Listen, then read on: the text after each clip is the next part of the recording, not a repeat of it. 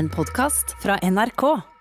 Olaf Tufte har rodd i land fire OL-medaljer og seks VM-medaljer, og er er en av Norges mest markante idrettsutøvere. Nå har han bestemt seg for å satse fullt mot sommerens OL i Tokyo, hvis det blir noe av. I tillegg er han bonde og gründer og driver en korngård på Nykirke i Vestfold, der de også har masse arrangementer og eventer.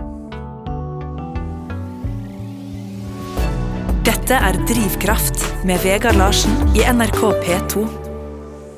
Olaf Karl Tufte, velkommen til Drivkraft. Tusen takk.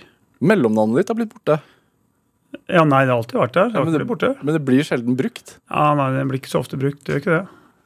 Nei, hvorfor ikke? Uh, nei, ja, det er et godt spørsmål. Det er jo egentlig veldig klønete satt sammen. altså Det høres jo bare teit ut egentlig med sammensetninga. Men uh, det, det er vel satt sammen mer på tradisjon uh, enn eh, systematikk, tror jeg. Er det familienavn? Ja, Olaf er eh, egentlig oldefaren min fra, fra gården, som het eh, Olaf Herman Tufte.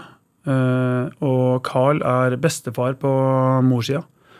Så skulle det vært systematikk, så hadde det vært Carl Olaf. Men det tenkte man ikke så mye på. Nei. Det går fint. um, du kommer inn i studio her sånn, litt med litt sånn tørrhoste. Ja, det, jeg følte litt på det når jeg gikk inn. Jeg kom rett fra trening og pusta litt, litt sånn eh, tørr i halsen. Og så første jeg gjør når jeg kommer inn i bygningen, det er å begynne å hoste. Eh, og da er jo på en måte vekterne nede var jo liksom på vei å angripe meg. Men eh, det, det gikk bra. Ja, du, du har trent i dag. Er det er det én Altså tre, trener hver dag? En dag uten trening er en dag uten mening. Ja, er det litt sånn? Ja, ja. Er, det én økt, eller har du flere? Uh, nei, vi, ja, vi har, vi har flere, men vi tenker ikke så veldig mye på hvor mange økter vi har. Det er liksom mest fokus på å gjennomføre det som vi mener er nødvendig for å komme dit vi skal. Hva har vært nødvendig i dag, da? Eh, I dag har det vært uh, romaskin som oppvarming, og så har det vært styrke, og så har det vært eh, basiskoordinasjon med spesialtrener, hele laget. Eh, og når vi er ferdige her, så er det opp igjen på toppidrettssenteret og ha litt eh, langkjøring. Eh, Kall det gjerne vaskeøkt, for så å, å avslutte i varmekammer. Oi. Hva er en vaskeøkt? Nei, det er egentlig en rolig kondisjonstrening. Det andre ville kalt for å trene. Ja. Altså ta en joggetur på en time, halvannen eller en sykkeltur. Det, det er på en måte en vaske, vaskeøkt, da. Selv om det bygger jo kondisjon, men for oss så er det rolig eh, og er på en måte en aktiv restitusjon. ja. Hva skjer Altså, hvor lange opphold har du hatt uten jevn treningsrutine? Eh, Det tror jeg ikke jeg har hatt siden jeg var seks år. Det, det går jevnt og trutt hele tida. Ja. Så er det noen få ganger man har breaks av en eller annen grunn. Jeg tror eneste grunn til at jeg eh, har hatt breaks, er vel fordi jeg har vært nyoperert eller noe, sånt nå, men da finner man jo på et eller annet man kan gjøre uansett. Ja, hvordan klør det da? Ja, det er jo helt forferdelig. For når du må sitte stille, så vil du ikke sitte stille. Så det er jo helt Det er sjanseløst. Så man man finner en eller annen måte å få gjort et eller annet på. Hvor, hvor tror du det kommer fra, det behovet? Ja, altså, hadde forskerne kunnet uh, besvare det spørsmålet, så tror jeg mange mennesker hadde vært uh, veldig glad. Langt, uh, da hadde vi kommet langt i forskning på mennesker som har i overkant mye energi, som veldig ofte blir satt i bås med forskjellige bokstaver. Eh, men noen mennesker har ekstremt mye energi, noen har ekstremt sovehjerte. Eh, det handler jo om å ting, sette ting i system, uh, syns jeg. da. Er det Men hvor, hvor viktig er det at man har glede, da? Eller at du har glede i den treningen? Og glede er viktig. Uh, i, I ung alder og på en måte på vei opp, da, så, mener så er jeg jo veldig bastant på at det, det skal være gøy. Hvis det ikke er gøy, så mister du jo både motivasjon og mening med det man gjør. Eh, Men så blir man jo også eldre, og da ser man jo veldig ofte mer veien til målet. og Så setter man opp målet, og så vet man jo hva man skal gjennom. Og det skal jeg jo innrømme at det er jo veldig mange ting på veien til å lykkes som ikke nødvendigvis er kult. Altså, du gleder deg ikke til å gjøre det, men du vet at eh, hvis jeg skal ha det kult til slutt, så må jeg gjennom de tinga her. Og jo bedre jeg gjør det, jo gøyere er det på slutten. da. Hva, hva er gulroten?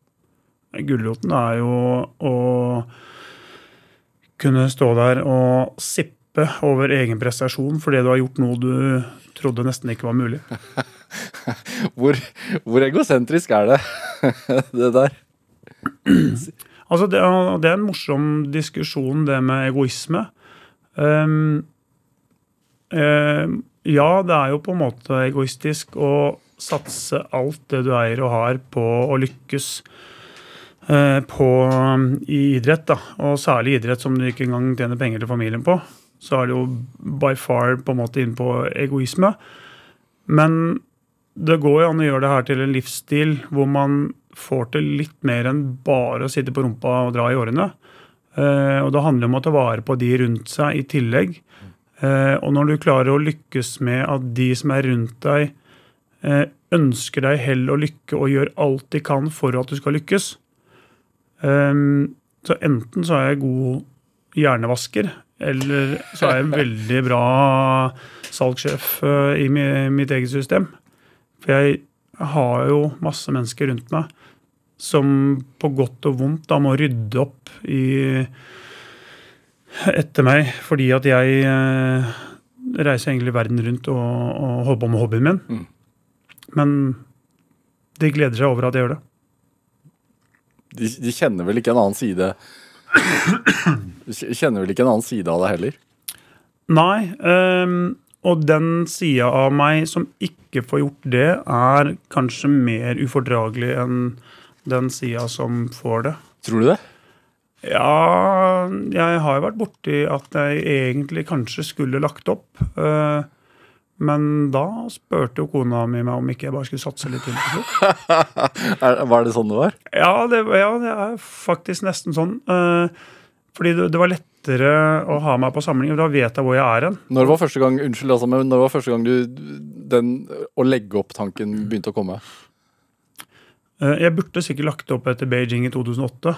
Det var liksom anbefalinga til treneren min den gang. Hvor, hvorfor det, tror du? Eh, Nei, for han vet jo hva jeg har utsatt kroppen min for over så mange år, og at jeg har familie, jeg har gård, eh, og på en måte tok da mitt andre OL-gull og tenkte liksom at eh, mission completed, nå kan du gå av med ropensjonen med hodet heva. Ja. Det burde jeg nok sannsynligvis hørt på. Men da, jeg var jo høy på meg sjøl fordi jeg hadde lykkes. Eh, og jeg følte jeg var jo ikke ferdig heller. Jeg hadde jo jeg hadde lyst til å ro både lenger og fortere. Så jeg gassa jo bare på eh, og tok hele livet av, meg sjøl. Men ehm, det handler jo om at man gjør det til en livsstil, og man er genuint opptatt av det man holder på med. da. Altså Man kan bli god i idrett og holde på noen år, og da er gjerne ofte bare Målet er bare å lykkes eller vinne et eller annet, og så ferdig med det. Eh, Men jeg har jo snart holdt på i 30 år, og det har blitt livsstilen min. Så jeg lever med roing og tusen andre ting. da. Eh, Og hvis jeg ikke hadde hatt de andre tinga ved siden av, så hadde jeg ikke holdt på med roing så lenge. Fordi at du, altså, du, trenger, du trenger de andre tingene Jeg må ha balansen. for å motiveres. Ja, jeg må ha balansen, og det fins andre ting her i verden enn å, å drive og, og dyrke en sær idrett. Eh, og når du har familie, du har gård eh, Det er ganske mye ansvar. Eh, det krever veldig mye av deg.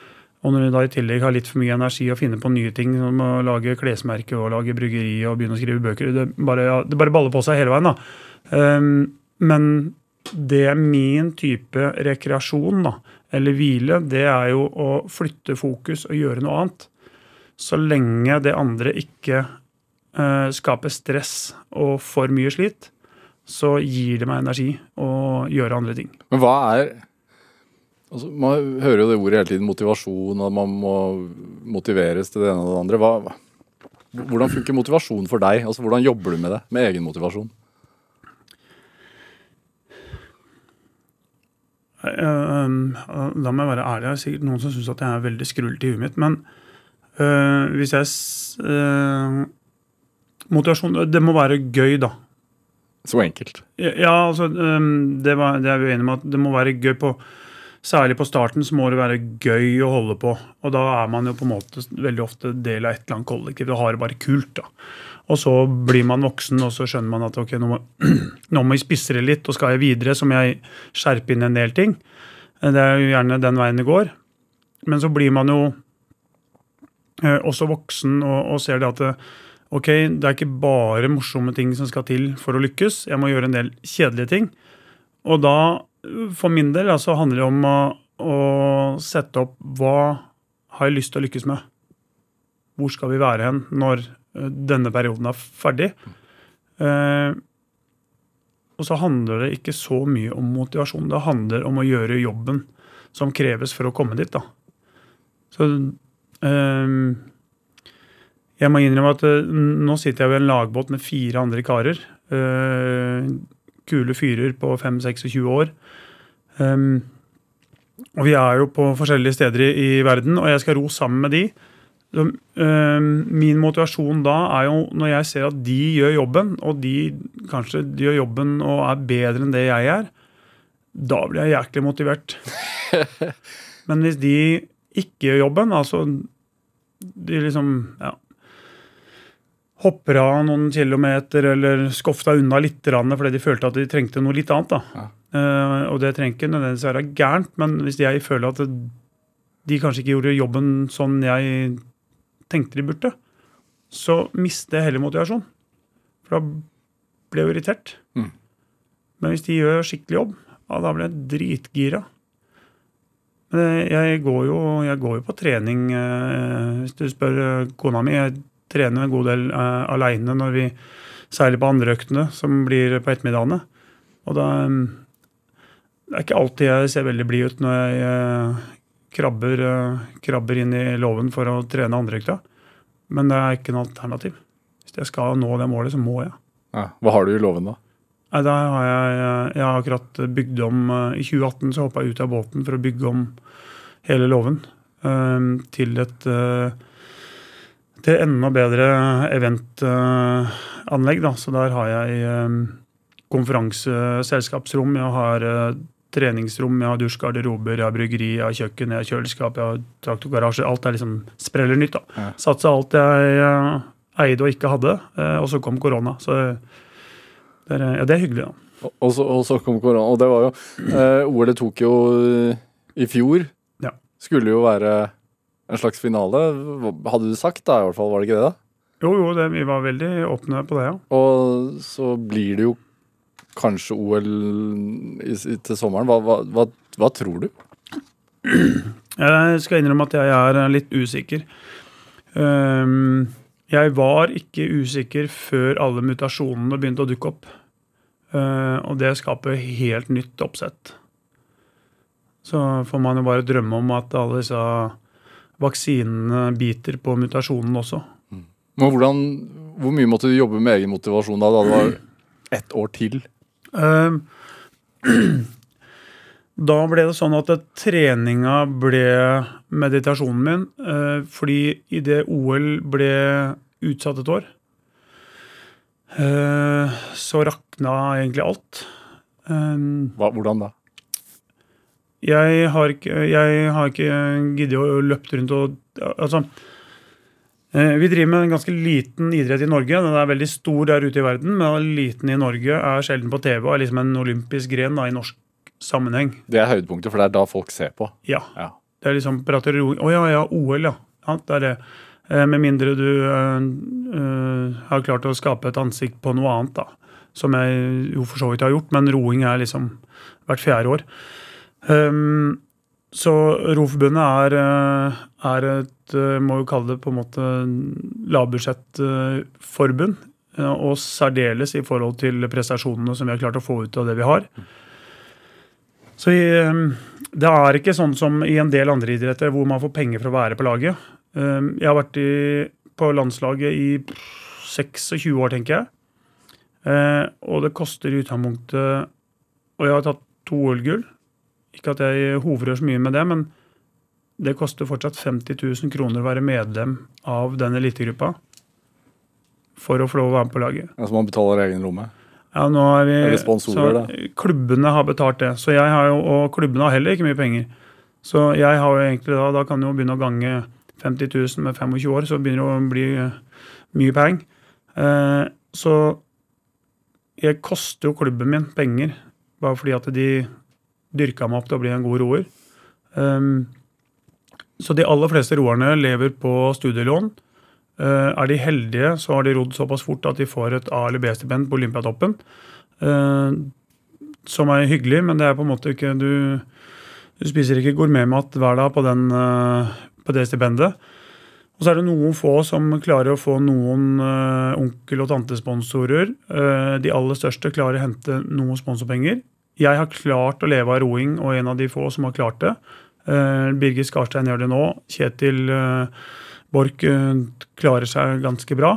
Men før det så har det liksom vært veldig tynt da, på den biten.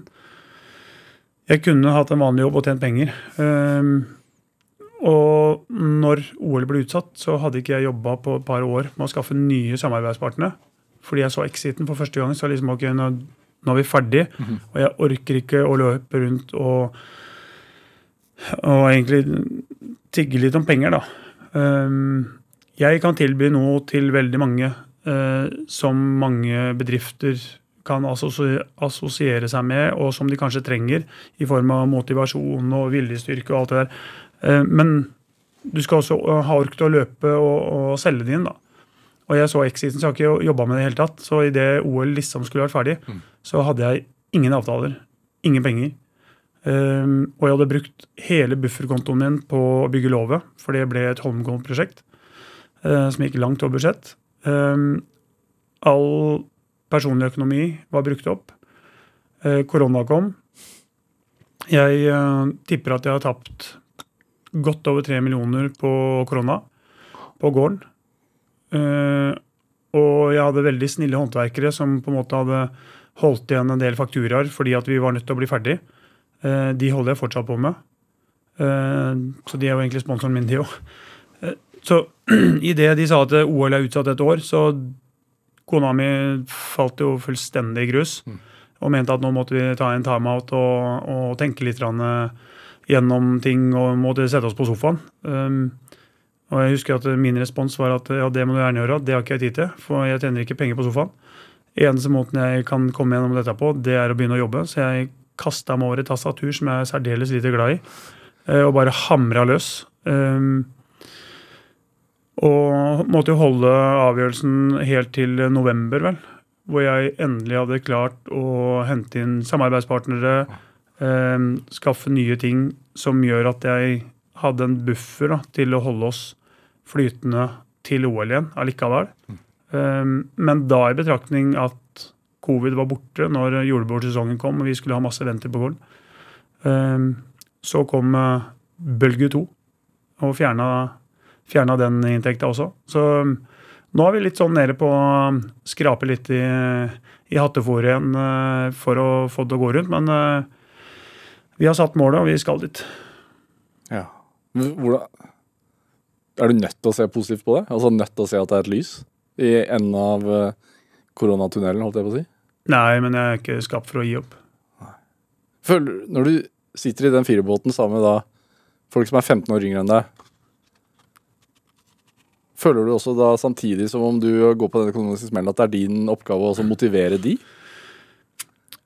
Altså, Jeg ønsker jo at vi eh, Jeg kunne ønske at jeg var like gammel som de. og største utfordringa mi var om eh, plastikkblomsten daua når jeg kom hjem fra samling. eh, Og om, om det var mye bra trace på, på Tinder. Men eh, det er liksom litt andre utfordringer da, når du er 20 år eldre og har, eh, har på en måte skapt mye ved siden av. Um, jeg jeg blir jo motivert av de, og de lærer meg mange ting eh, underveis. Samtidig som jeg har en ganske stor ryggsekk som jeg kan dele av også, da. Men det her er jo et samspill. Altså én, de må eh, være villige til å lære av meg, og jeg må være ydmyk nok til å lære av de, hvis ikke så kommer vi ikke framover. Så det, det er jo et uh, morsomt uh, samspill, og vi, har, vi prater jo masse om det. Uh, for de har jo en underbygd respekt for det jeg på en måte har prestert over tid. da. Men den kan ikke bli for stor heller, for det, det er jo en brems. Så det, det er komplekst. Men det er jo det som gjør det morsomt, da, å komme da tilbake i en lagbåt og være med å sette sammen en lagbåt og, og skulle lykkes. Hva gjør du hvis det ikke det blir OL til sommeren? Da er jeg nok eh, bonde. Dette er Drivkraft med Vegard Larsen i NRK P2. Og I dag er eh, olympisk mester og verdensmester i roing Olaf Tufte her hos meg i Drivkraft på NRK P2.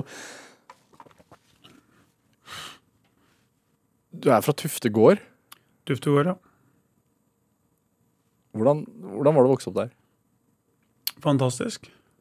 Hva, hva betyr det? Nei, altså, jeg kan ikke tenke meg noe annet sted å vokse opp, ja. Jeg, jeg var jo øh, Vokst opp på en øh, familiegård hvor alle bidrar der de har øh, mulighet. Uh, Hvor ligger gården? den ligger rett på utsida av Horten, midt mellom Horten og E18. Uh, så min store mentor var vel kanskje bestemor. Hvorfor det? Eh, hun, var, hun var alltid mamma, mamma var eh, hjemme og lagde mat og passa på ei, eh, ei annen jente som bodde i gata. Vi gikk ikke i barnehage, så moderen var dagmamma for henne. Så vi hang jo sammen som erteris, og så var man alltid med og ute og jobbe. Og Mimmi var den som lærte meg å svinge øksa, slegga, bruke bågasaga. og alle må bidra, så det vil si at eh, du må gjøre ting. Det er ikke bare lek. Det er mye lek, men eh, du må bidra. Fra hvor gammel da? Eh, Nei, jeg kan, ikke, jeg kan ikke huske når jeg begynte å jobbe. Og, og når du mener jobbe, så, så er det er faktisk fysisk arbeid. Altså bid, du bidro. Ja, ja, ja. Ja. Som, med, med hva da? Altså hva, hva gjorde du faktisk? Eh, Kløveved, løvved, skuffe snø, bæreved, skuffe korn. eh, Alt mulig. Og så eh, får man jo og så tenker jeg at En del av gleden man har når man er ung, det er å få prøve de tinga som de voksne holder på med. Så jeg, så jeg kjørte jo biler og traktorer uh, før jeg kunne alfabetet, tror jeg. Uh, Men det er jo det som skaper uh, motivasjon og iver etter å på en måte være med enda mer. da. Så lærer man at ok, det, det er kult å kjøre traktor, men da må vi også gjøre en del av grovjobben først. Og så får man lov til å prøve seg, og så viser man at man faktisk har hørt etter da, når noen har fortalt deg hvordan farlig redskap fungerer. Og så får man lov å, å bruke det. Samtidig så er gårdsarbeid kanskje den grunnen til at jeg ble en god utøver. Eh, når eh, min far, da vi kutta med melkekyr eh, litt før min far overtok gården, og på den tida så var det gode penger å være lastebilsjåfør. Så han har kjørt opp og ned i Europa med, med norsk laks i, i mange år. Tjent gode penger på det. Hva skjedde med gården da? Da ble jo den drifta av de som var hjemme, og det var eh, eh, samboeren til mormora mi som uh, jobba veldig mye der. Det var bestemor. Uh, det var mamma som hadde styr på alt på, på toppen. Og så var det oss eh, yngre som bidro. Og faderen eh, var jo hjemme og jobba imellom uh, slaga og de store på en måte åndene. da. Men eh, da lærte man jo å jobbe, og til å begynne med så fikk jo ikke jeg bruke motorsag og vinsj og alt det der, for jeg var liksom bare 10-11-12 år. Så da dro jeg jo gjerne veden ut av skauen, bærte den på skuldrene, eh, sagde den for hånd, hogg den for hånd.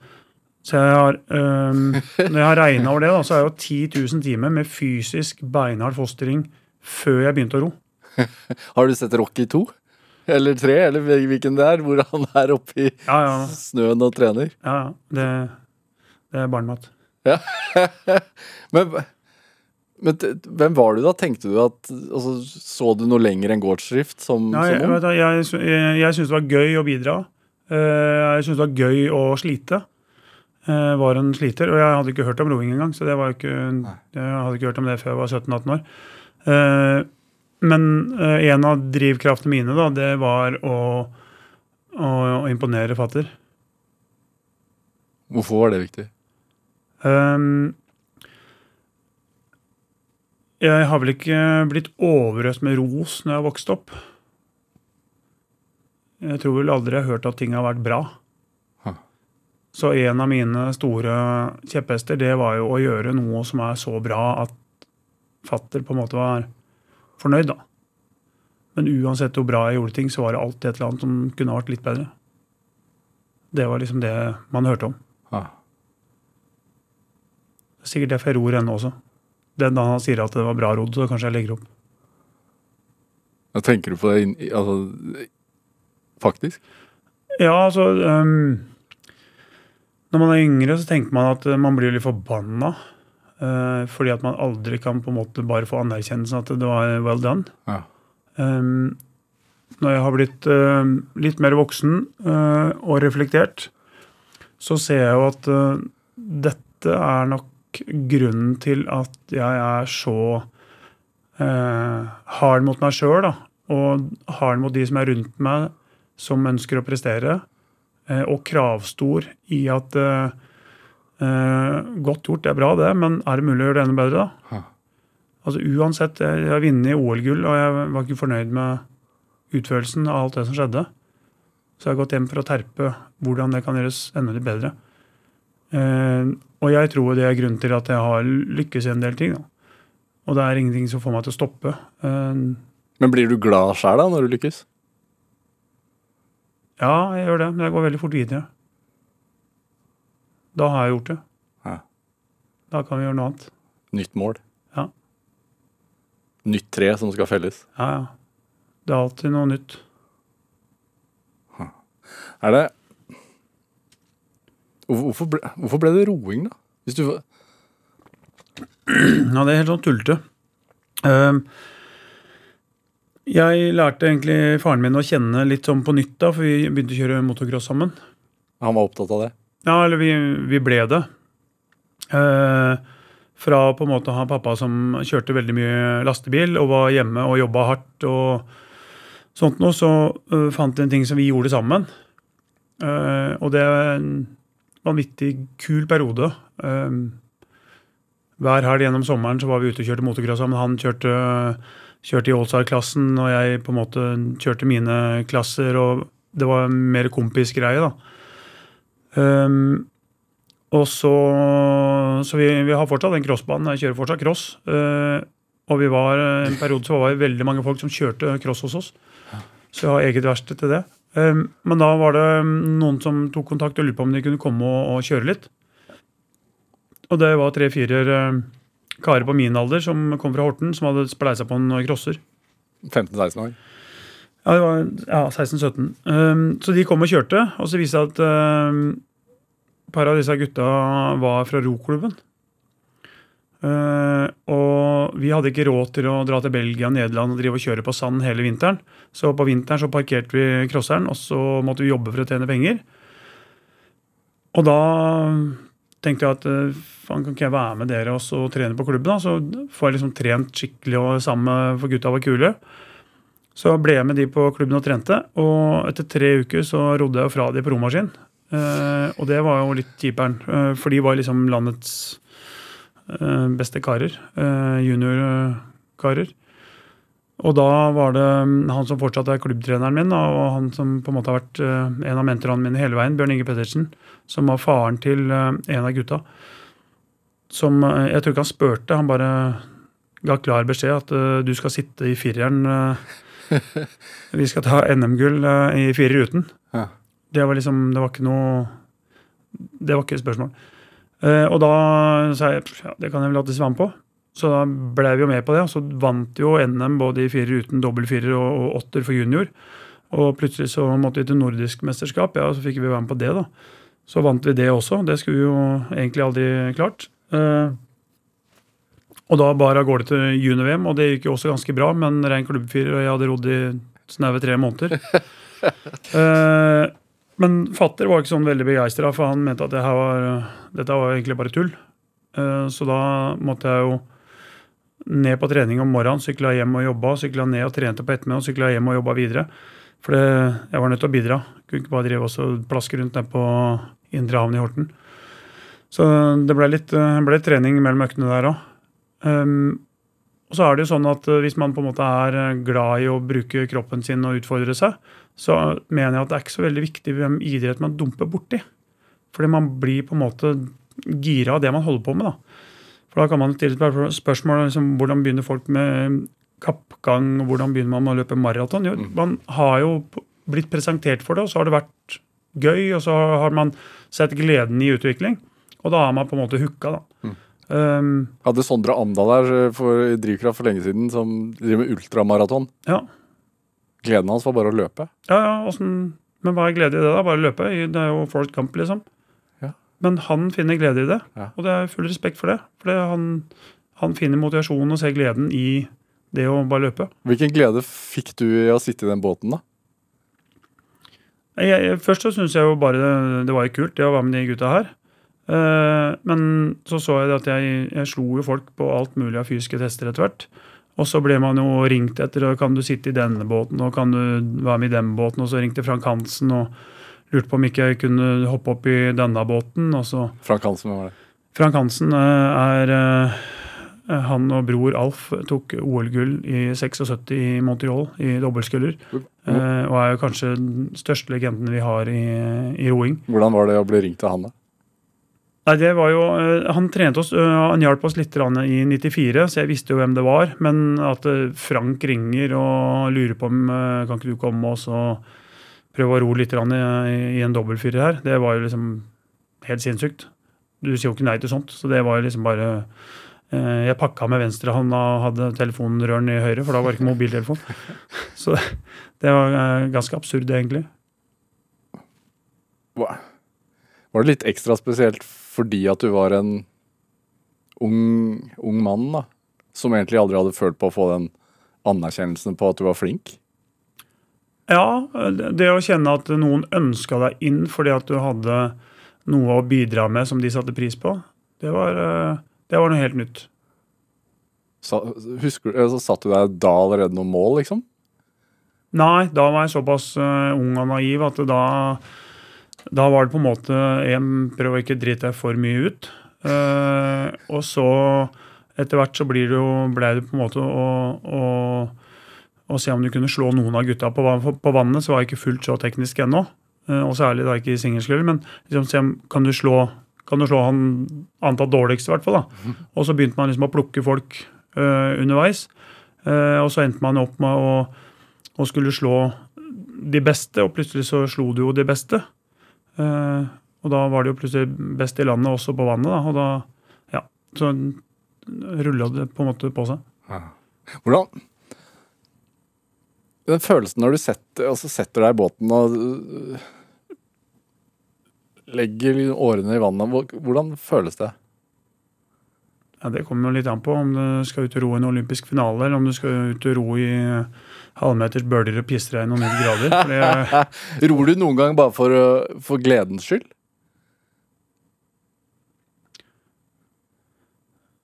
Ja, Det er et bra spørsmål. Uh, nei, men Gleden ligger jo å, å lykkes. Gleden kommer jo altså, vel, eh, Vi ror jo såpass mye at du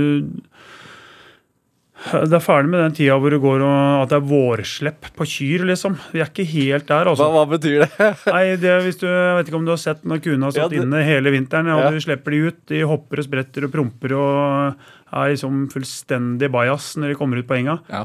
Um, vi er ikke helt der lenger, jeg skal innrømme det. Men uh, nå sitter vi veldig mye inne på Nå er det jo is og snø og, og sånt, så vi får ikke rodd så mye på vannet. Eh, og vi begynner å bli ganske drittlei av romaskin. Sitte og stirre inn i det lille displayet som forteller oss om at du kunne rodd enda fortere.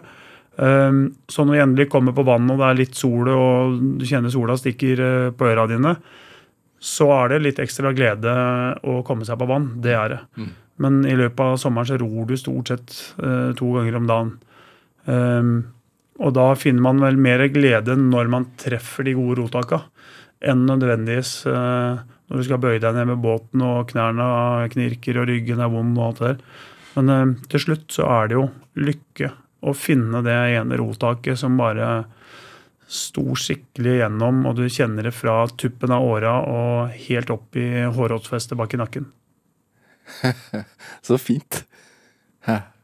Var det Altså, siden du, du kommer fra motocross, som Mm. gikk, det gikk jo fort, Ja. og, og da handla det vel også om å treffe riktig på svingen og, og sånn. Og når du da satt deg i båten, og du sa at ja, du var fysisk Fysisk så var det på plass, men teknikken var ikke der helt. Men liksom Første gangen det virkelig satt Mm. Ja, når var det? Um, Kjente du det da? Altså, kan man kjenne det? Ja, altså, jeg, eh, jeg, jeg prater jo en del om det her. Jeg har en del foredrag og litt sånt nå. Uh, men Um, jeg pleier å si at eh, jeg hadde seks gode rotak i juni 2001. De var helt sinnssykt bra. De leiter jeg etter ennå. Unnskyld at jeg ler, det er jo helt vanvittig å tenke på. Ja, men du, du leter etter det ennå? Ja, og så hadde jeg et veldig bra et uh, førstetaket mitt i Beijing. Det var så bra at jeg stoppa ro.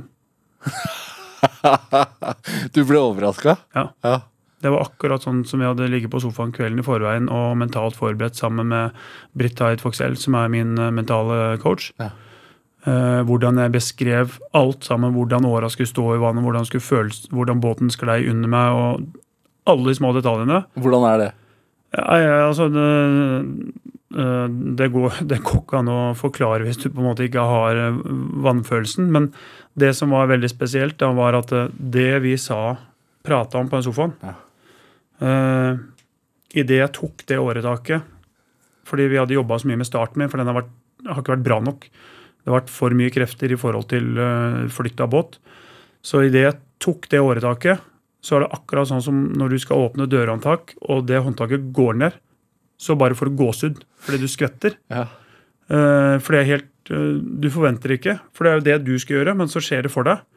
Uh, det var følelsen av det rotaket. Var bare Shit! Det er akkurat sånn jeg drømte om at det skulle være. Så jeg fikk bare ståpels, og så stoppa jeg et hundredel av et sekund fordi jeg ble, uh, jeg, jeg ble paff. Ja. Og så var det sånn Å, shit, du må ro 239 tak til. Så tok vi i gang. Og hvordan gikk det? Ja, det gikk ikke så gærent, da. Eh, Tufte, vi skal spille litt musikk. Yes. Du har med en Garth Brooks-låt. Er det, er det fordi du er fra gard, eller hva? er- Ja, altså, jeg har jo vokst opp med Dolly Parton, uh, Roger og hele gjengen. Kenny Rogers. Um, så jeg har vel kanskje blitt litt påvirka av countrymusikk, men jeg syns jo country 1 er eh, hyggelig, rytmer og musikk, men samtidig så er nesten alle tekster er på en måte personlige, og det er en opplevelse jeg har vært med på. Det er ikke bare noe lyrikk som de har funnet på eh, i forskjellige eh, kanter av verden. Det er på en måte personlig Følelsen er lagt i sangen, da. Eh, som man kan nesten alltid kjenne seg igjen i sånne ting. hva? Hva tenker du når du hører If Tomorrow Never Comes? da? Eh, Fikk jeg gåsehud. Eh, Det er eh, Det er eh, sangen til Aina og meg. Eh, Det står vel til og med inn i gifteringen. Og den sier så mye, da. Bra sang. La oss høre det.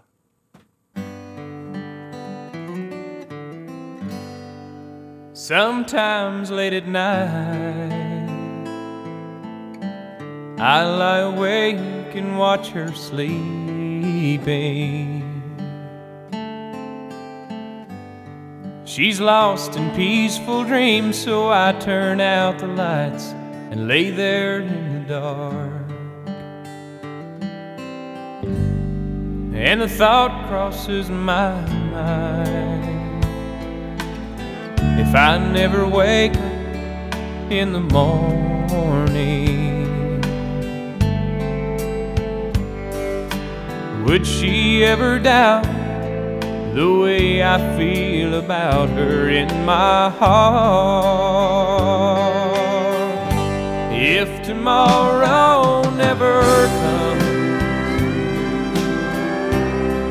will she know how much I loved her? Did I try in every way to show her every day that she's my only one? And if my time on earth were through, she must face this world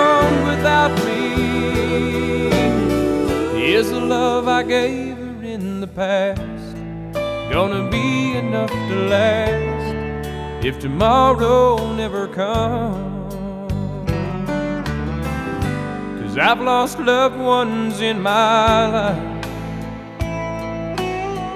who never knew how much I loved them. Now I live with the regret my true feelings for them never were revealed. So I made a promise to myself to say today how much she means to me. And avoid that circumstance where there's no second chance to tell her how I feel. If tomorrow never comes, will she know how much I loved her? Ja, du fikk eh, If Tomorrow Never Comes av Garth Brooks her i Drivkraft på NRK P2. En låt valgt av dagens gjest, nemlig Olaf Tufte. Olympisk, og verden, olympisk vinner og verdensmester i roing. Eh, hvor, hvor vesentlig er det at man har en Altså, du, du, du sier jo at dette er, låten til deg og, og dama. Mm. Hvor vesentlig er det at man har en bra partner når man skal drive med idrett sånn som du gjør? Åh, uten henne så har jeg ikke vært i nærheten. Tror du ikke? Eh, nei, overhodet ikke. Uh, um, kan du gå litt lenger bak, da, så kan jeg jo ta et sitat fra Sebastian Coe. Det viktigste for en topputøver det er å velge riktig mor. Altså, Det begynner jo der. Um, Hva, hva, hva betyr det? nei, altså, Du må jo ha en mor som uh, tar ansvar, lager mat, vasker klær og passer på deg, liksom. Uh, og der traff jeg jo i hvert fall innertier. Uh, jeg hyller familien min så fort jeg kan for alt det de har vært og betydd. Både med å være strikte og strenge og snille og kjærlige, men uansett så er de alltid der, da. Um, og så treffer kona mi, som på en måte er eh, er hogd i samme veden. Og det ja, Det går ikke an å, det, går ikke an å beskrive, for det, det er så bra, da. Um, så jeg hyller jo henne for å la meg få lov å holde på. Ja. Eh, det, er, det er stort, altså. Hvordan er du som ektemann, da? Nei, Jeg er sikkert helt håpløs.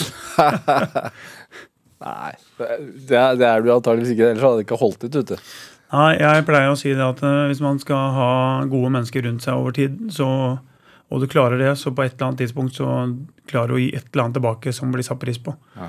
Så det, og det er kanskje noe av det vanskeligste med å være i en idrettsboble, da. Og enda vanskeligere når man lykkes med noe. Eh, altså hvis- hvis man, Vi kan ta eksempelet med Beijing-OL. da. Eh, vi kvala jo ingen andre båter til Beijing-OL enn meg, så jeg var eneste norske roeren. Uh, jeg tror jeg hadde tolv mennesker rundt meg i OL som skulle passe på at jeg hadde det jeg hadde. Sportsdrikk på flaska, hadde mat i handa, vaska klærne, masserte meg, organiserte. Det, var popstjernestatus. Må jeg jeg ble egentlig lei i løpet av to dager. Det var dritkult å begynne med. Men du føler så på det, da. At du, det er så vidt du fikk gå på do i fred. Fordi alle ønsker jo at du skal lykkes, og alle vil bidra. Så det, de står på en måte og tripper etter å få lov til å gjøre et eller annet. da. Um, og det er jo elskverdig, samtidig som det er rart. Uh, men så lever man uh, i det her uh, over tid. Og så um, er man på en måte heldig å, å lykkes og vinne gull, og da er jo du er fullstendig konge. Eh, så en av de store eh, elefantene i rommet, hvis man kan si det, det er å omskolere seg sjøl fra den biten. Og da har man gjerne vært i en boble i, ganske mange måneder hvor man har forlangt veldig mye av folk. Men idet du har gått i mål og tatt eh, det siste åretaket, så må du egentlig bytte rolle. Da må du sette de andre i fokus, og så må du ut i periferien. Og så plutselig er det du som må kanskje eh, stå, stå opp uansett, uansett da, men ta deg frokost med ungene, kanskje gjøre ferdig middagen, eh, gå og koke teen til kona fordi hun er sliten og sitter på sofaen. Du må tilby alle de rundt deg noe, da.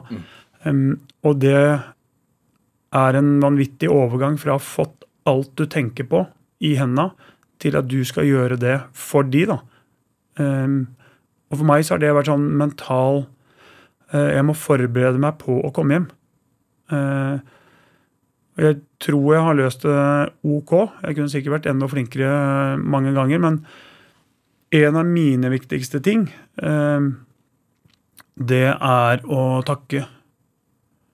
Det er jeg ekstremt opptatt av når noen har gjort noe for meg, eh, stilt opp for meg eller bidratt. Eh, Det å huske på å si takk eh, for å vise at jeg setter pris på det, Mm. det er utrolig viktig. Eh, Og jeg tror det er en av grunnene til at folk fortsatt gidder å holde på. da. For de vet at jeg, er, jeg kan være beinhard og jeg kan være kanskje i overkant ærlig. Men når noen gjør noe som er bra og som bidrar og hjelper meg, så sier jeg iallfall takk for det. Og sier at det var, var bra jobba. Eh, jeg er ikke så god på å gi ros, men jeg er god på å si takk. Eh, og, og gjør et eller annet eh, oppmerksomhetsmessig for at de skal føle seg ivaretatt. da. Men det å, å ta seg sjøl ut av, av sentrum, eh, det er mye vanskeligere enn man tror. Og jeg har jo prata med Jeg kjenner jo soldater, jeg kjenner andre utøvere. Eh, og jeg har jo hørt om de som flytter på hotell etter at de kommer hjem først. For å på en måte avbalansere seg før de drar hjem. Um, og da begynner man å skjønne at eh, det er Det gjør noe med psyken. ja, Kona sier jo at hun kan jo høre hvem jeg har vært på samling sammen med. Man blir jo påvirka av det miljøet man uh, omgås med. Skjønner du det at det er en del toppidrettsutøvere som sliter når de legger opp og er ferdig? Ja. eh, Er, eh, det er en, det er en Hvis man skal prate om elefanter der ute, så er det et ganske stort tema som ikke er belyst godt nok, da. Um, man er flinke til å liksom skulle ta vare på utøvere fra de er gode talenter og til de blir gode. Men det har vært for dårlig jobb med etterarbeidet. Um, altså Hvis man skal dra den strikken litt langt, da, så sier du alkoholikere eller narkomane. Én ting er å få dem til å slutte. Altså, Det er nok ikke den største jobben. Den store jobben det er å holde dem nyktre. Så det å, å få en utøver god, det er en stor jobb, det. Men den jobben når de er ferdig den, Og vi har jo noen eksempler på at det har gått ganske dårlig. Og det er gjerne de største stjernene. Fordi de som aldri blir stjerner, de må gjerne jobbe ved siden av for å på en måte brødfø seg og familie og holde dette gående. En, litt for mange av de som har vært best, har hatt kun idrett og bare blitt hylla og båret fram på det. Og den dagen er slutt, så sitter de plutselig dønn aleine i stresslesen og lurer egentlig på er det ingen som skal ringe og spørre om skulle jeg ikke vært Nei, det ble stille. Så når lyset slokkes for siste gang, så er det veldig greit å vite hva du skal. Jeg antar jo at, at for deg så har det jo hele tiden vært en drivkraft å bli best. Best i verden. Olympisk gull, VM-gull, altså bli best. Men hva tenker du når du har tatt ditt siste padletak, holdt jeg på å si, altså rotak?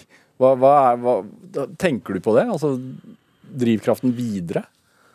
Du har bygd denne gården, da. Ja, jeg, jeg, eh, jeg har jo litt for mye energi i bånda.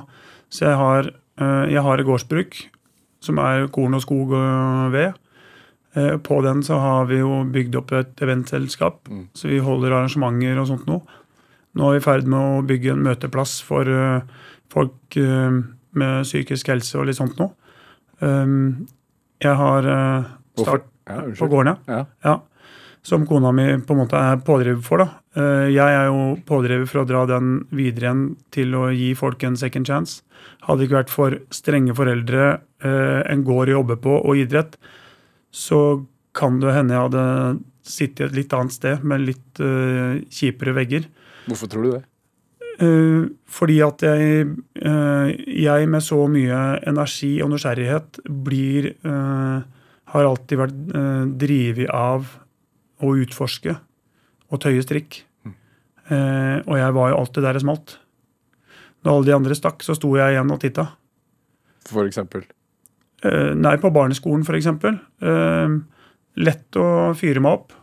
Si 'det klarer du ikke, tør du ikke', så er jeg jo der. Eh, så jeg var jo alltid der det skjedde noe. Eh, og i tillegg så eh, Jeg var ikke den kuleste gutten, da. Jeg, eh, har brukt noen år på å gå til språkpedagog for å klare å si R. Eh, og jeg er stolt av R-en min i dag. Men eh, jeg var ikke så stolt av den da den hørtes ut som L. Når forandra den seg? Eh, ja, det var eh, Jeg begynte vel i andre tredje klasse å jobbe med det, og når jeg gikk ut av barneskolen, så begynte vel å, da begynte det å høres ut som en normal R. Um, og så var det ikke kult å være bonde. Det var jo ikke kult på den tida. Um, det var tydeligvis ikke kult å ha krøller heller, av en eller annen merkelig grunn. Uh, og hvis du ikke lånte klær eller arva klær, så det var også helt feil. da. Alt, alt du kunne bare si check, check, check. Ja, ja, det var, det, var, det var mye som var feil. Så min måte å på en måte få aksept, da, det var jo å være apekatten. eh, som gjorde de crazy tinga som de andre ikke turte, for de var redd for at de ble fakka eller det var for farlig for dem. Så jeg var høyt og lavt, og det var jo så ille på barneskolen at jeg fikk skylda uten å ha vært der. Fordi folk bare antok at men det er Olaf. Eh, på ungdomsskolen så, så søkte jeg jo eh, de kule gutta som på en måte uh, røyka litt hasj og gjorde noe brekk. Uh, for de var jo litt kule. Eh, men så var jeg jo veldig nysgjerrig på de litt mer intellektuelle gjengen også, som på en måte var smarte og oppførte seg ordentlig. Uh, så jeg flakka mellom de, da. Og traff aldri egentlig min, min greie. Fant aldri tilhørigheten, så jeg var ikke bra, bra nok for noen av de heller. Så um, jobba ganske mye der. Så eh, jeg kunne fort havna eh, med de gutta som gjorde en del eh, flere gærne ting enn jeg endte opp med. Eh, jeg har i seinere tid vært og holdt uh, litt uh, innlegg i kretsfengsel og sånt noe. Og hilst på en del av de gutta som jeg egentlig hang litt med, da. Eh, det er veldig spesielt. Hva tenker du på det? Nei, Jeg tenker på at jeg er ekstremt glad for at eh, jeg hadde en familie som eh, var såpass strenge og fulgte med. Så um, fatter gjorde en, eh, en genistrek når jeg var elleve år. Først så sendte han moderen på sydenferie. Og så kjøpte han hest til søstera mi. Og så kjøpte han en crossykkel til meg og sa at denne skal jeg hjelpe deg å holde. Jeg betaler for deler og bensin så lenge du jobber driter i å røyke og driter i å fly på byen og surre, så sørger jeg for denne. Eh, og den slukte all tid. Ja, Han kjente sønnen sin, han visste hvor det kunne gå. liksom. Eplet detter vel sjelden så langt fra sammen. Det, da. Så det var på en måte uh, faters genistrek, da. Eh, og det er kanskje redninga mi. Ble også idretten en del, en forlengelse av det? altså Først sykkelen, og så videre mestringen på vannet? Ja, altså, eh, da får jeg utløp for litt energi, da. Ja. Jeg pleier å sammenligne med altså, hvis du bor i byen og kjøper fuglebikkje, og du ikke har tid til å gå tur med den, da kommer du mest sannsynlig hjem til en endevendt leilighet, fordi den kjeder seg. Men hvis du har tid til å løpe et par-tre timer med den, så den er sliten, så ligger hun død til neste gang. Og det, og det er veldig sånn for de av oss som har mye energi, da. Eh, Jeg blir jo lei meg når, eh, når jeg hører om eh, masse ungdom som er på skolen som hele tida får beskjed om hva de ikke skal gjøre, og blir satt i bås. Eh, Og da prøver jeg å si men slutt å fortelle folk hva de ikke skal gjøre, for det vet de egentlig om. Fortell dem hva de kan gjøre, og hjelp dem til å få gjort det. Hva, hva tenker du om det da? Altså, sånn, blir du engstelig da nå som under koronaen, hvor man ikke har fått lov til å drive idrett? Ja. øh, det kommer til å være ettervirkninger av korona, tror jeg, da, øh, i, i mange former. Men en av de tinga som, øh, som bekymrer meg mest, er jo at man er så veldig opptatt av hva man ikke skal gjøre. Øh, litt mer fokus på hva man kan gjøre. Nå har norske folk vært veldig flinke til å bruke naturen vår. Eh, Så flinke at man faktisk har fått beskjed at man får ikke lov til det heller. Fordi det er, liksom, det er kø på T-banen, og man går i kø opp i marka, så det er tettere folka i Nordmarka om dagen enn eh, det det på en måte er i, på Oslo City. Så eh, ja, det, er- det er vanskelig uansett, da. Men eh, med litt sunn fornuft så er det mulig. Er det derfor du også har vært med å starte en sånn digital treningsmuligheter? Ja, ja, det er også en ting jeg driver med. Uh, ja, eh, det er jo noen som kom og spurte om jeg kunne være med og bidra til det. Uh, og det var jo en morsom eh, greie. Jeg skal jo ro allikevel. Så om, eh, om jeg ror og viser fram det til eh, en del andre, så er jo det bare hygge.